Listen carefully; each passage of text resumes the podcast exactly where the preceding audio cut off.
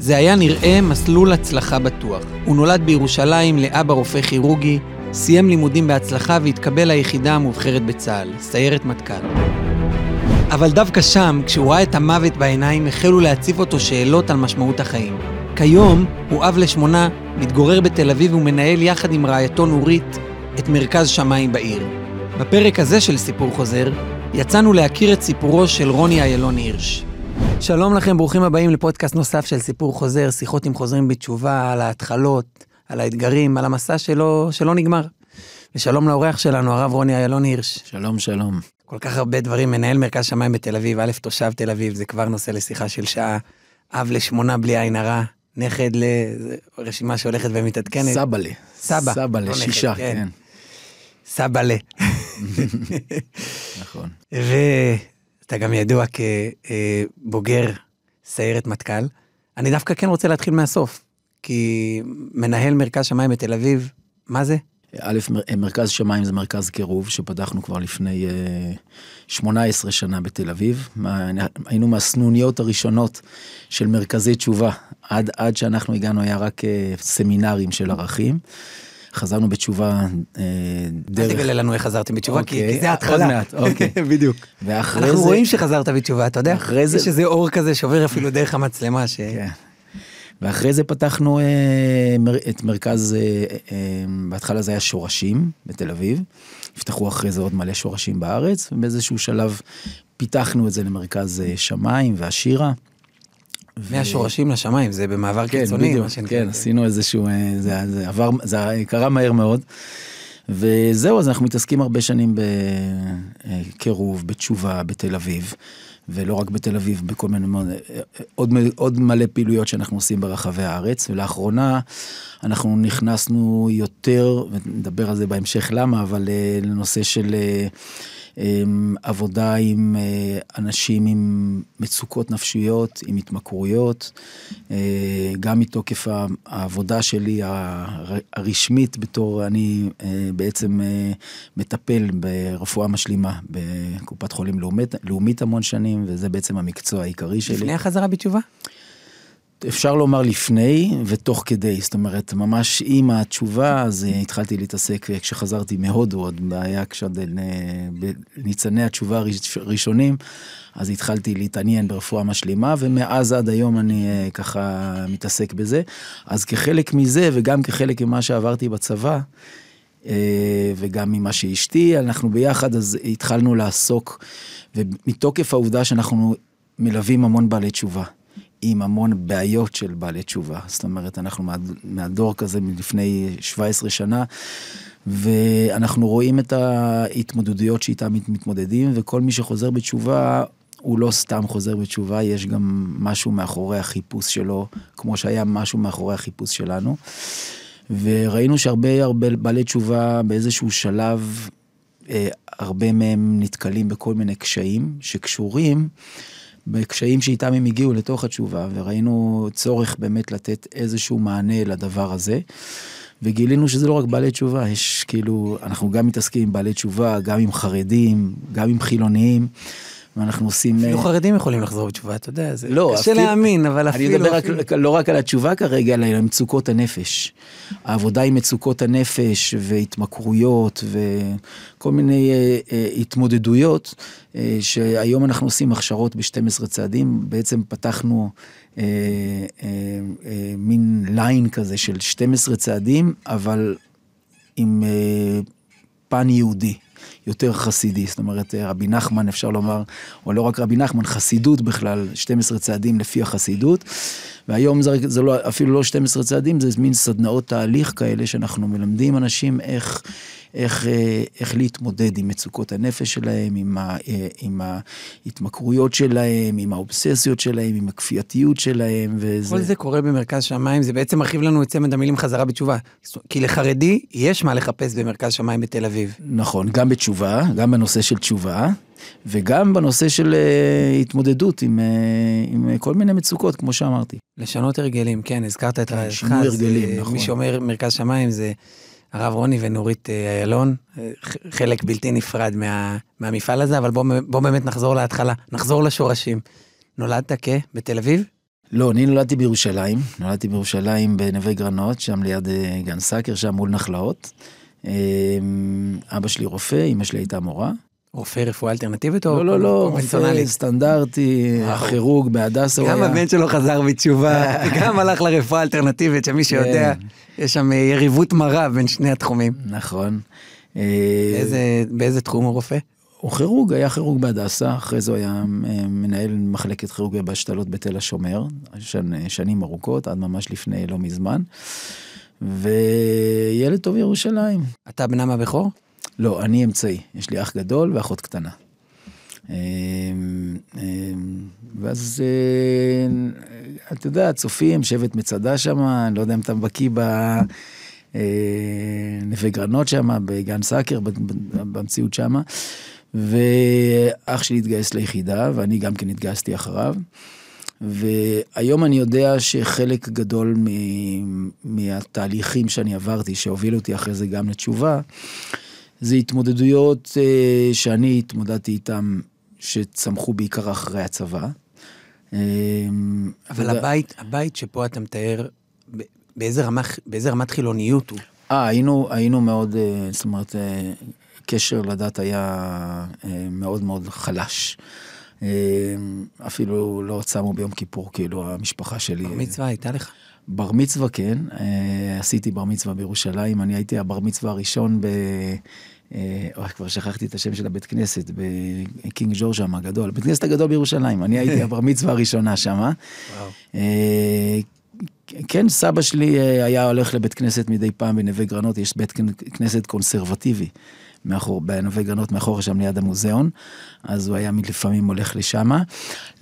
לאחר שנים, כשאימא שלי חזרה מהלוויה של דודה, ואחרי שאנחנו חזרנו בתשובה ורצינו לחפש אה, שורשים, כי לא היה לנו, היה משפחה חילונית שלא היה לה שום קשר, אז היה מאוד חשוב לי לברר, ואימא שלי חזרה מאיזושהי הלוויה של איזה דודה, והיא אמרה שמישהו כתב ספר על הכפר שממנו הגיעה המשפחה של סבא, ברזה קרטוסקה בפולין. אז אמרתי, בוא נתקשר, נשאל מה... אולי, אולי נמצא איזשהו משהו. אולי סבא שלי היה רב. ואז אה, הוא אומר שהוא מכיר את המשפחה, משפחת זלצמן, אבל שהיא בכלל לא הגיעה מברזה קרטוסקה, הסבא הגיע מהעיר קוברין. ואז שאלתי, אה, התחלתי לברר אם מישהו מכיר אה, מישהו מהעיר קוברין שאני יכול לשאול אותו, אז שלחו אותי לאחד סופר סורסקי ב... בבני ברק, ושאלתי אותו אם הוא מכיר זלצמן מקוברין, אז הוא אומר לי, כן, בטח, יש פה, ב... יש פה בבני ברק אחד, קוראים לו שלמה זלצמן, והוא הגיע מהעיר קוברין, התקשרתי לשלמה, ואז שאלתי אותו, אמרתי לו, תשמע, אני זלצמן, אמרו לי שאנחנו מקוברין, ואני מחפש איזשהו אה, קשר משפחתי. אז הוא אומר לי, רגע, רגע, רגע, איך קוראים לסבא שלך? ו- ואז הוא אומר, הדבר היחיד, אמרתי לו, הדבר היחיד שאימא שלי זוכרת, שפעם, איזה כמה, פעם, פעמיים, שלוש, הסבא לקח אותה לבקר איזה דוד במאה שערים, שהיה לו איזה בית מסחר לשמן ונפט. אז הוא אומר לי, אה, אתם הבנים של אה, דוד ינקל וזה. פתאום גילינו עץ שלם של משפחת זלצמן, שהם כולם צאצאים של רב משה מקוברין, שהגיע מה- מהעיר קוברין, אז זה, והפלא הגדול, הוא כשאני בתור, שהוא מחסידות קרלין או סלונים? אני או, זהו, אז הפלא הגדול... זוכר שהנתיבות שלו מצטט אותו או, הרבה. אני, את תחילת התשובה, את, את כל התשובה שלי, הייתי מאוד מאוד מחובר לספר אה, נתיבות שלום. התגלגל לידי הספר הזה, אני אולי אחרי זה נספר את המהלך של התשובה. אבל אולי. בתשובה, אה, לא, בגלל זה הגעת לפה, אנחנו לא, אתה לא תוותר על שום פרט. אז כן. בתשובה התגלגלנו, היינו אצל הרב אוירבך ב... ב- תל אביב, בתל מרדכי אורבך.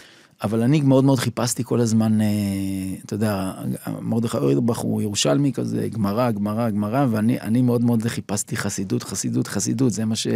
יש לו גם שורשים. חסידיים, כן, כן, יותר אבל- משאר המשפחה נכון. שלו, כן. אבל הסגנון הוא לא סגנון חסידי כן. פרופר. ואני מאוד מאוד חיפשתי כל הזמן שם, הייתי קורא ספרי חסידות, וכשהתגלגל לידי הספר נתיבות שלום, הרגשתי שממש הגעתי הביתה. ואחרי שהסבא הזה סיפר על השורשים שלה, אחרי שפגשתי את אה, שלמה זלצמן, והתברר לי שאני צאצא של הקוברינר, והקוברינר הוא בעצם אה, מאותו ענף של הרבי סלונים, הוא הגיע גם כן מהרבי מלכוביץ'. אז הם הגיעו ממש מאותו ענף, ואני ממש, גם הנתיבות שלום מזכיר הרבה בספרים שלו את הסבא קדישא ואת... אז ממש, זה היה ממש לראות איך הנשמה, ככה, בלי לדעת כלום. אתה לא מבין לאן אתה הולך, אבל הנשמה מובילה אותך לאן שאתה צריך להגיע. זה היה בשבילי, בשבילי לפחות ממש... אה, אה, טוב אה, וחשוב לראות שאתה, אני זוכר שכשהיינו בחוץ לארץ עם אבא שלי נסע לשליחות, היינו בארצות הברית, אז עוד הסבא, אח שלי עשה שם בר מצווה. ואז הסבא שלי דאג שנגיד לחבר'ה מחב"ד ש... שאימנו את האח שלי לבר מצווה, שלימדו אותו, שתגידו לו שהוא הבן של הקוברינר, אז אח, אחרי זה מצאנו איזה קלטת שהוא בעצם הסברות זכר איזה שהוא כן, אה, את, את הייחוס שלו. וואו. זהו, זה היה בשבילנו ככה, הכיף, הכיף היה גדול, זה היה למצוא משפחה מאוד מאוד גדולה פתאום, של חרדים, ולבוא לשמחות שלהם, והיינו מזמינים אותם לתל אביב, את כל משפחת אה, אה, זלצמן, שהם נהיו קרלינרים, כי כשהם, כשהגיע... יש גם בעולם התשובה, יש את אה, ניר מלכי, שהוא זלצמן, זה גם קשור לזה? אני לא יודע איזה זלצמן הוא, לא יודע, צריך לבדוק, אבל אה, אה, אה, היום אין קוברין, והקוברינים שהם הגיעו ארצה, אז, אז הם בעצם הפכו להיות קרלינרים. זה, אז יש, יש שבט ענק בחסידות קרלין שהם זלצמנים. זה... זהו. ואם אני אשאל את אבא שלך, איפה, איפה התחלת לעשות בעיות בבית? אמ, לא הייתי ילד בעייתי. בעיות מבחינת הדת, אתה מתכוון? מבחינת, החילוניות, זה נגמר באב לשמונה בתל אביב. שמנהל מרכז קירוב. אז זה מאוד מאוד, אה, אצל כל הבעיות. הזכרת שאח שלך הלך לסיירת מטכ"ל, וגם אתה גם... וגם אני אחריו, ובעצם ב... היום אני אומר, אה, אני מייחס לדברים שעברתי בצבא, המון משקל, היום אני יודע. כשיצאתי מהצבא חשבתי שאני כאילו רמבו, אף אחד לא יכול עליי, ואתה יודע, אני אתה יוצא כאילו אה, אה, באיזו הרגשה עליונות כזאתי. ולאט לאט לאט היום חלק ממה שאני מת, מתעסק עם טראומות ועם עבודה עם פוסט טראומטיים ועם משברי חיים, זה גם חלק ממה שאני קולט שאני אה, אספתי בזמן הצבא. כמה שנים שירתת? שירתי שלוש וחצי שנים, כמו כל uh, חייל רגיל. Uh, ועברנו, אנחנו התחלנו את האינתיפאדה אז, מה שהיה... אינתיפאדה 87, הראשונה. אינתיפאדה הראשונה, אז שהיה בלאגן מאוד מאוד גדול, היה, היינו אז בטירונות צנחנים בסנור ובבקעה. צפון השומרון. כן, ו... היה שם בלאגן לא קטן, אה, הרבה אלימות, המון המון אלימות, והמון, אה, גם שלהם אלינו, גם שלנו אליהם, אתה יודע, זה היה התחלה שעד אף אחד לא יודע ועברנו... כלוחם בסיירת מטכ"ל, יש אה, בטח איזשהו פעולות אה, הירואיות. היינו, ב, היינו בטירונות צנחנים אז, בטירונות. יותר מאוחר אני מדבר, כלוחם בסיירת מטכ"ל יש דברים שאתה יכול לספר לנו כיום שהשתתפת בהם? כן, אנחנו עשינו כל מיני גם מבצעים אה, אגמיים, כמו, זאת אומרת, כלל צבאיים, כמו... להביא את השייח' עובד בזמנו, כן, מג'יפ שיט, מכפר של אה, חיזבאללה שם, ועוד כל מיני מבצעים. מה זאת אומרת, דפקת על דלת ביתו בכפר ב... אה, רצו, רצו לשחרר את רון ארד, וחשבו שאם נביא את אה, שייח' עובד, אז יהיה קלף מיקוח טוב בשביל להחזיר אותם. אז הלכנו להביא אותו, אותו, ואת, אותו ועוד כמה חבר'ה מאיזה כפר ב, בלבנון. איך הרגשת כשהוא שוחרר? זה היה כבר אחרי הרבה שנים, כבר אנחנו עברו הרבה, אני כבר לא הייתי בצבא, אז זה... אבל גם עשינו הרבה מבצעים, מה שנקרא, ייעודיים של היחידה, שאותם עליהם אסור לספר מה, מה עושים, אבל זה גם אה, אה, מבצעים אה, חשאיים במקומות רחוקים. ואתה מתמודד עם, אה, עם סכנת חיים, עם אפשרות למוות, אתה מתכונן לכל מיני תרחישים. וכמובן שזה משפיע על הנפש, וגם, אתה יודע, הייתי עד גם במסגרת הלוחמת טרור, הייתי צלף, אז היו כל מיני מקרים שנכנסו מחבלים ארצה, ואני בתור צלף הקפיצו אותנו בשביל... אה, אה, לפתור את, ה, את האירוע. ואתה מתמודד עם, אתה רואה מוות, כאילו, אה, לא פעם ולא פעמיים, ועם כל זה שאתה חושב שאתה חייל גיבור, אבל לאורך ימים, אחרי זה אני מבין שהפגישה הזאת עם המלאך, עם ה... אז זה גורם לך המון המון, אה, א', היום אני יודע פחד, הרבה שנים לא רציתי להכיר בזה, אבל כן פחד, כאילו פנימי, ואתה מתחיל לחפש אה, הגנה, הגנה זאת אומרת, אוקיי, מה קורה אחרי המוות, אם אני מת. אני כשאני יצאתי מהצבא אמרתי, כשאשתי הייתה חברה שלי עוד, אז אמרתי לה, אני כנראה לא אתחתן. אגב, אני מכיר אתכם, אתם גם היום חברים. כן. כן. אז אמרתי לה, אז אני לא אתחתן, וכנראה גם לא יהיה לנו ילדים, אני לא... כי לא ראיתי לא רוצה להתעסק עם החיים בכלל. לא ראיתי את עצמי בכלל, כאילו, אה, רואה את עצמי מתחייב למשהו שהוא יותר מ... אתה יודע, זה, זה כמו הלם קרב, אבל לא ברמה, אתה יודע, של אנשים שזה, אבל ברמה ש, שאתה, אתה... החיים הם מאוד שבריריים, אתה יודע, היה לי... היה לי... יש לך חברים שנפלו? אה, לא, לא, לא, חברים שנפלו לא. אבל אה, אז בקיצור, אה, קיבלתי שם איזושהי התמודדות ש... שאחרי, כשיצאתי מהצבא, אז יצאתי עם המון המון שאלות על החיים, על המוות בעיקר, אבל גם על החיים, מה המשמעות, כאילו, מה, לאן זה הולך, והבנתי מהר מאוד שהחברה שממנה באתי, אין לה את התשובות, לא, היא לא מסתכלת כל כך רחוק, כאילו, היא לא מסתכלת מה היה לפני שנולדת, והיא גם לא מסתכלת מה הולך להיות אחרי שאתה מת. אין לה גם את השאלות בעצם. היא לא, היא לא... אני אומר את זה הרבה פעמים, שבתור חייל בצבא, מכינים אותך למבצע, יש תדריך, ואז אתה יוצא למבצע, אתה חוזר, יש תחקיר. כל מבצע זה ככה. איך עשית, מה עשית, טוב, לא טוב, צריך לתקן, לא צריך לתקן. וכשפתאום אתה מתמודד עם שאלת המוות, אומר, או רגע, רגע, אני עוד שנייה הולך לסיים את המבצע, כאילו את המבצע של החיים, ואני עולה למעלה, הולך להיות לי תחקיר. וישאלו וואו. אותי, נו, ביצעת את המשימה?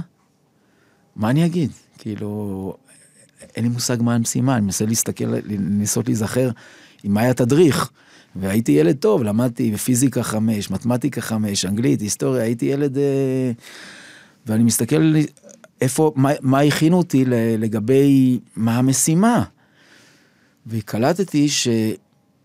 אני מרגיש שאני אעלה וישאלו אותי מה היה המשימה, ואין לי, לי, אין לי מושג מה להגיד, ואני, ואני אני מרגיש משהו לא בסדר, כאילו, ואני חייב למצוא את, ה, את, ה, את התשובה, תשובה.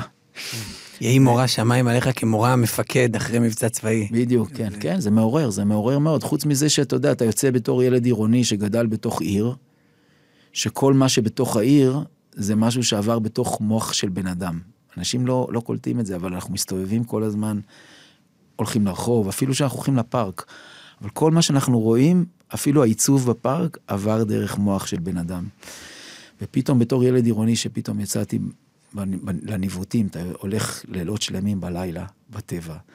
כאילו, אתה, היום אני אומר, זה התבודדות כפויה, אתה כאילו מוציאים אותך לאיזה, ללכת לילות שלמים לבד בטבע, תחת כיפת השמיים. יש הרבה דבר, דברים גם מפחידים תוך כדי, אתה מבין? אז אתה נפתח לאיזה משהו שהוא יותר גדול ממך. הצבא עשה לי... אה, אה, ביחס, ביחס לשוני, אני מנסה, אתה יודע, כחרדי מלידה שלא היה בסיירת מטכ"ל, להתפעל. אתה אומר, כשאני מגיע לפארק בנוי בעיר, אני נתקל במוח אנושי שיצר אותו, וכשאני מגיע לטבע... נכון, כן, כל, השביל, כל השבילים. ה... מישהו, מישהו החליט לשתול פה את העץ, ולשים פה את המפל, ולעשות פה את השביל. זאת אומרת, זה הכל מהונדס. כן. זה לא בראשית. אבל כשאתה בניווט... זה לא, זה הכל man made, זה כאילו מעשי ידי אדם. כשאתה בניווט, אתה הולך בטבע, אתה פתאום נפתח למשהו שהוא, הקדוש ברוך הוא עשה את זה, כאילו. גם אם אתה לא רואה את זה בשכל, אבל אתה מרגיש משהו שהוא, שהוא, שהוא מחבר איתך יותר אל המקור, נאמן למקור, כאילו. אז, אז זה משפיע. אני, היום אני יודע, אני, אני, אני מבין שמה שעברתי, כאילו, אה, אה, וגם אחרי זה, אתה יודע... יש לי את החוויה הזאת בלימוד גמרא לפעמים, שאתה רואה איזה משהו ממש קשה בגמרא, וכל מי שלמד גמרא, ואני אומר, יואו, תחשוב, רב חיים קנייבסקי, הגאון מווילנה, כולם, כולם חשבו על השאלה הזאת, היו פה, פה, כולם היו פה, כן, זה, זה כזה כאן, אתה יודע, כי אתה מגיע לכל מיני מקומות פיזיים, כאן הוא ישב, כאן הוא זה, לא, כאן, בדף מ"ב עמוד ב', הוא גם חשב, עיין פה והסתכל לצד שמאל לרש"י ולצד ימין לתוספות, היה בחוויה שלך. אתה אומר, אז אתה אומר משהו יפה, שגם הגמרא, אצלך זה הרבה יותר, זה בראשיתי, כאילו, זה בראשיתי, כן, ואני הולך בתוך, אה, בתוך, משהו מאוד, אני מאוד נהנה שאומרים לחרדים למשל פרימיטיביים, אני אומר נכון. זה באמת, המילת גנאי עליהם שהיא הכי, אני חושב שזה מאוד עדכני, זה מאוד עכשווי. חזרה לטבע. כן, אבל אנחנו מאוד מאוד פרימיטיביים, נכון, אנחנו נכון, מתעסקים נכון. בטקסטים ישנים כאלה. נכון. לבוא בתור בעל תשובה ללימוד הגמרא, זה לא כמו שאתה גדלת בתוך על הגמרא. תאמין לי שהפחד הזה קיים דווקא, הגמרא. דווקא, דווקא בגמרא, אני חייב לתת לך הדלפה מתוך העולם החרדי, יש פחד מובנה, אה, אני לא יודע אם כבר בילדות, גם בילדות לא, לא התייחסנו לגמרא כמו בישיבה, אתה לא יודע זה משהו שהולך למלא את החיים שלך, שהולך להיות חלק בלתי נפרד מזה, בסדר, אז יש כאילו שיעור בדינים, קיצור שולחן ערוך בכיתה, אה, חומש, נביא ואלו מציאות. אז מה זה יחידמי ומה זה... אתה לא מבין שזה משהו שהולך לכבוש את, החו... את, את חוויית החיים שלך. נכון. אם זה עובד. אבל פה, אתה חייב, בישיבה- אתה חייב בישיבה להבין, הגיע מאוד פחד מגיע. מישהו בעל תשובה, שהוא כבר, הוא היה בבית ספר, הוא הוציא ציונים טובים, הוא היה בצבא, הוא בא עם כאילו היסטוריה, עם מטען, ופתאום הוא מתמודד עם שכל, כאילו, עם, עם שכל חדש, עם שפה חדשה, עם שכל חדש, הוא לא קולט מה קורה פה. אתה מבין? וזה כאילו, זה נקרא בפסיכולוגיה loss of face, אתה פתאום כאילו, אתה, אתה מאבד את כל, ה, את כל מי שאתה, אתה פתאום מרגיש כמו, כמו איזה דפוק, כמו איזה ילד קטן שלא מצליח ל, ל, ל, לקלוט מה, מה רוצים ממנו. אז יש פה התמודדות מאוד עמוקה, פנימית. אם זה, אם זה נכון מה שאומר פה, אז כל מה שאני עושה זה הבל הבלים, זה, זה, זה, אני פתאום קולט שכל החיים שלי לא נחשבים, אז רגע, אז מה זה אומר עליי? ואתה יודע, זה, יש פה התמודדות פסיכולוגית של האדם עם הלימוד ועל ההקרנה של הלימוד על החיים שלו, ועל ההתמודדות שהוא עובר על ה...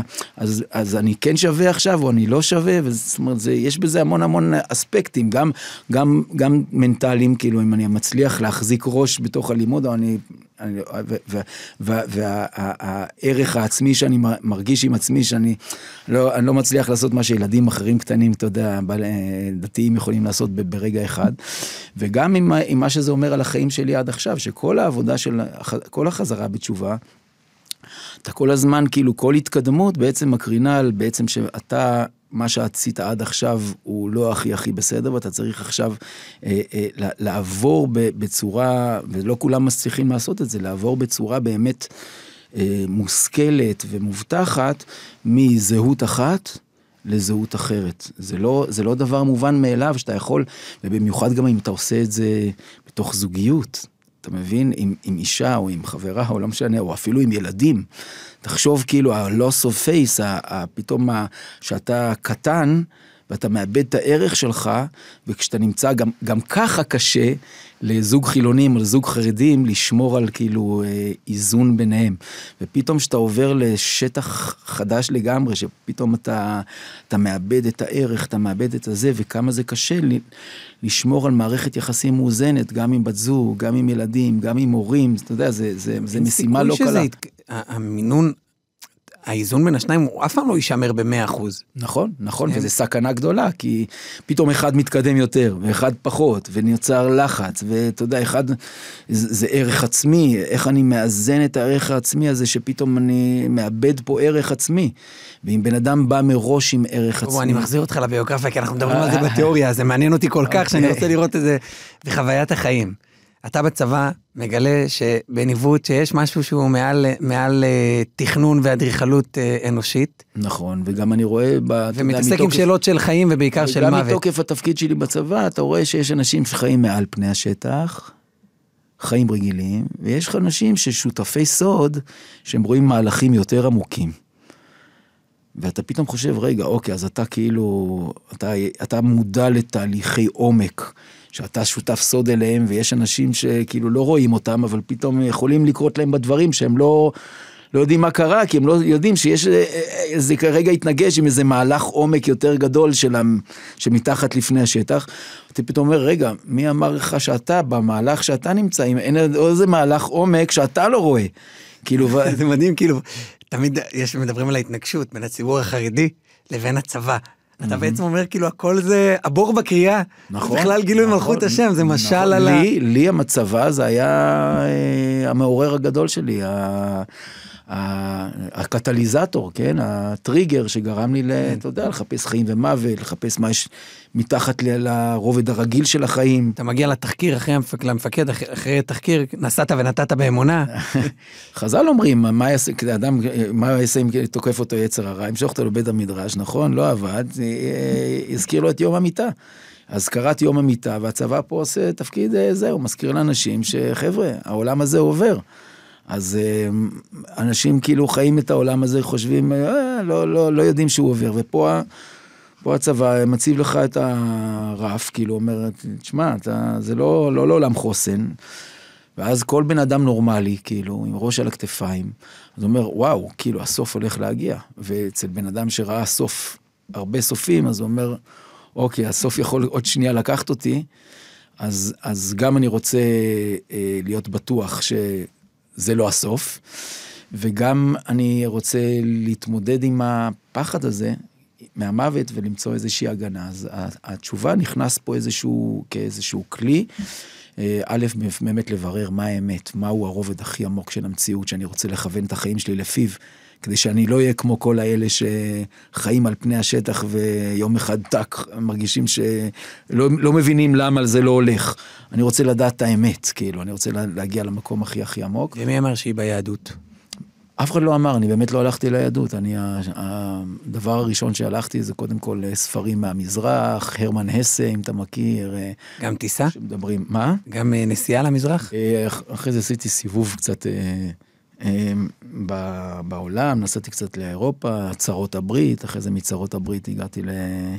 הייתי מדריך של גלשני רוח בקנקון, בקריבים, גם שם היה לי הגעתי לאיזשהו אה, עיר מקדש של תרבות המאיה, אה, תרבות מלפני בערך אלף שנה, שגם כן שיחקו שם, אה, שיחקו כל מיני משחקים עם המוות, עם כל מיני אה, משחקים שם בצ'יצ'ניצה, בעיר המקדש, וגם שם אה, אה, ראיתי אה, שיש תרבויות שיודעות מה קורה מעבר.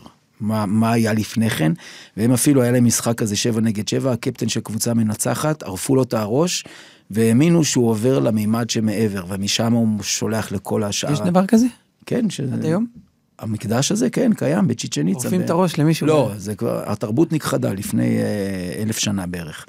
התרבות מאוד מופלאה, אבל אני עמדתי שם ואמרתי, וואו, כאילו החבר'ה האלה, היה להם כרטיס כניסה, הם ידעו משהו שאני מחפש. ואני יודע שזה אמיתי, אני, אני, אני מרגיש כאילו שיש, שיש משהו מעבר. אני לא יכול לשים את האצבע, כי אני באתי מתרבות שלא לא, לא מחפשת את זה.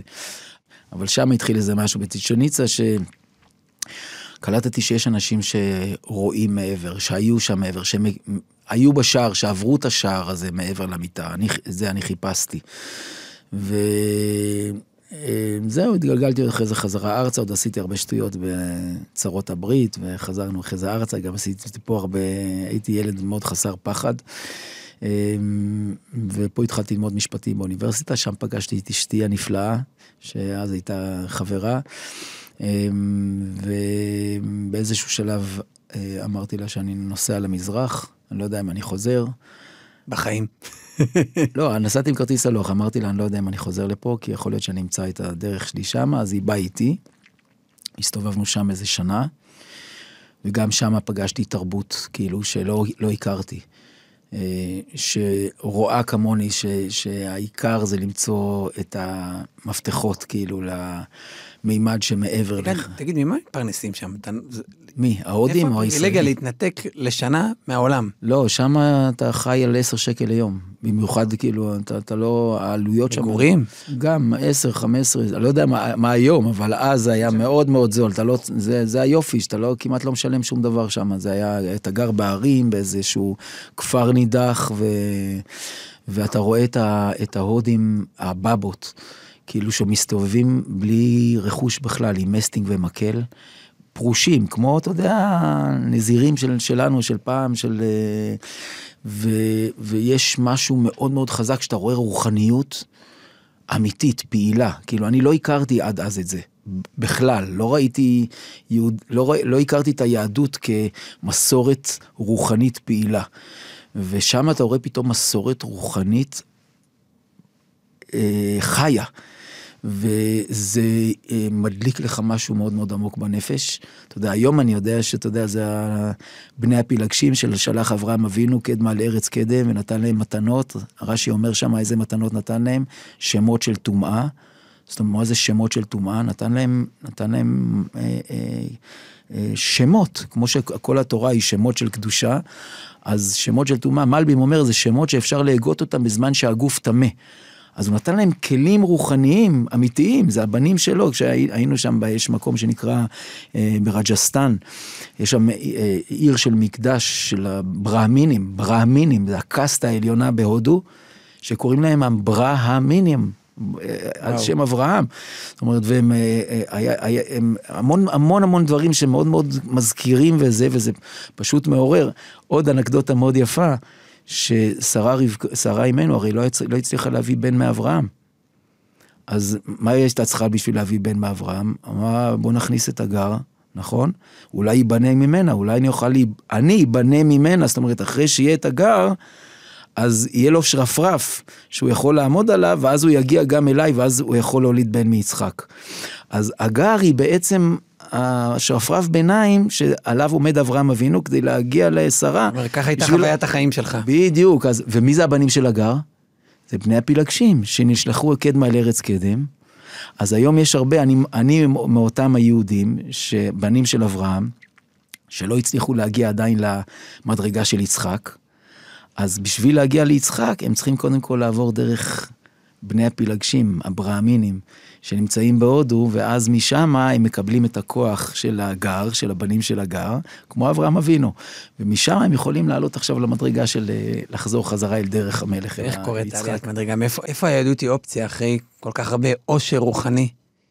אה, באמת היא לא אופציה. כאילו, עדיין. בזמן הזה זה היה כאילו... פפ, אה, אבל כשחזרנו ארצה, חזרתי גם עם כל מיני, אני ואשתי, ברוך השם קודם כל שפגשתי את אשתי, את נורית, היא, אה, אה, החיבור הזה גם נתן לי המון. אה, אה, הדרך שעשינו ביחד, אה, כשהיא הגיעה איתי להודו, אז היא באה ממשפחה מסורתית. אז רגע, מה פתאום מתכופפים פה ומשתחווים לזה, זה היה מין אה, מפגש תרבויות כזה מאוד יפה, וגם מה שבעיקר הכניס אותי ליהדות, כשהגענו ארצה היינו, היינו, מספיקים, היינו מספיק כבר מבוטלים כאילו, כדי לשמוע גם יהדות, ואז הלכנו למרכז אתנחתא בתל אביב, שם הרצה הרב רן רינת. וזה היה התחלה שלנו שם, ה...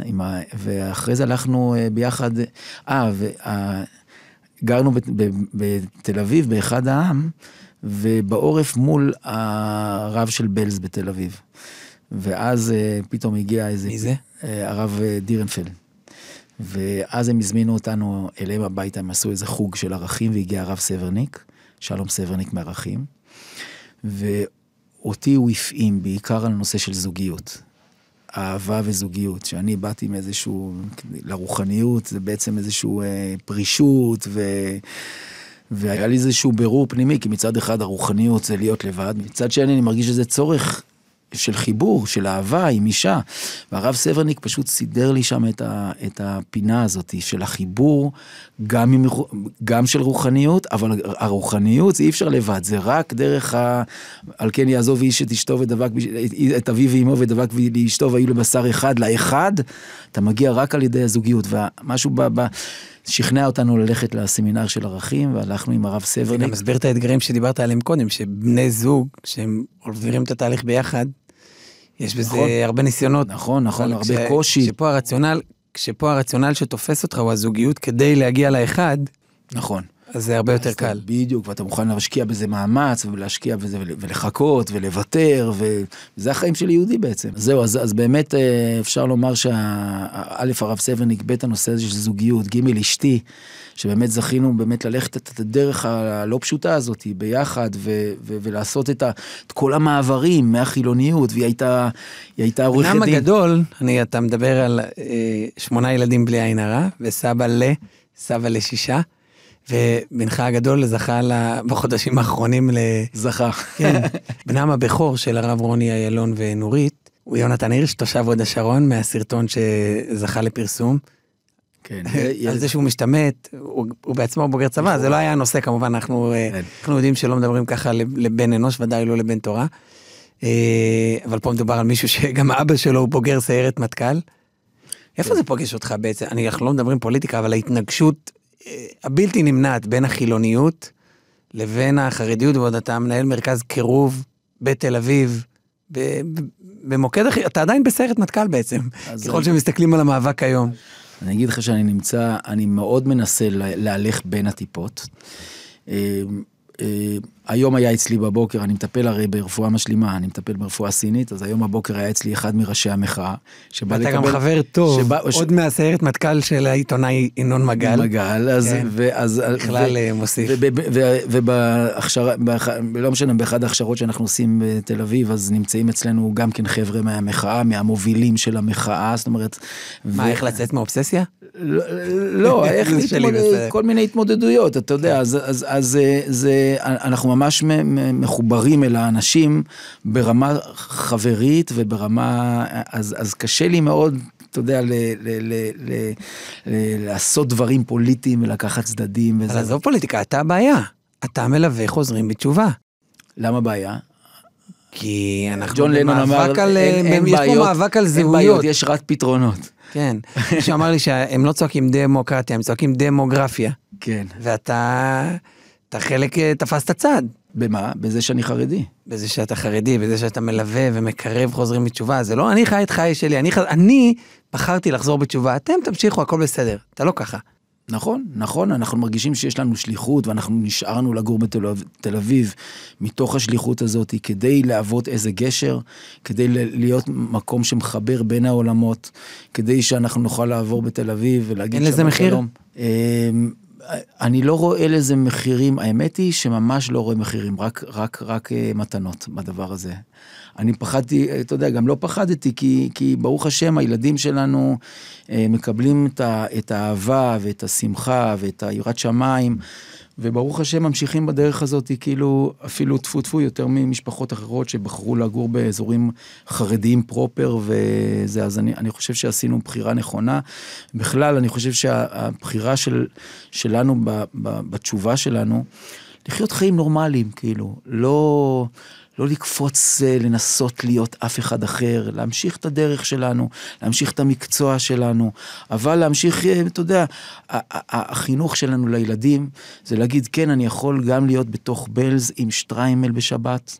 ואתה עם יכול- שטריימל בשבת. כן, אנחנו מתפללים בבלז בשבת עם שטריימל לכל הילדים וכל החתנים שלנו עדיין באים לבלז ובאים עם שטריימל, ואתה יכול תוך כדי גם כן לעסוק ברפואה משלימה, ואתה יכול, אפשר גם בקיץ לנסוע לעשות אה, סקי באיזשהו מקום, אתה מבין?